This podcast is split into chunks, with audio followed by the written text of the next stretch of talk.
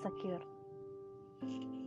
Perasaan tidak aman karena merasa dirinya lebih rendah dari orang lain.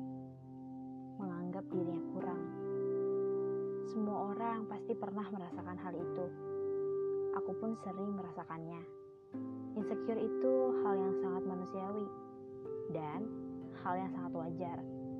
Yang gak wajar itu kalau selalu membandingkan diri kamu yang terlihat tua di depan orang yang biasa saja. Kalau emang orang itu jelek, gendut, dekil, kumal, kucel, kurus, jerawatan, ya kamu diam saja. Jangan mengutarakan kata-kata sampah kamu yang membuat mereka tersinggung. Semua orang yang hidup di dunia ini tuh gak ada yang sempurna. Masing-masing punya kelebihan kekurangan tersendiri.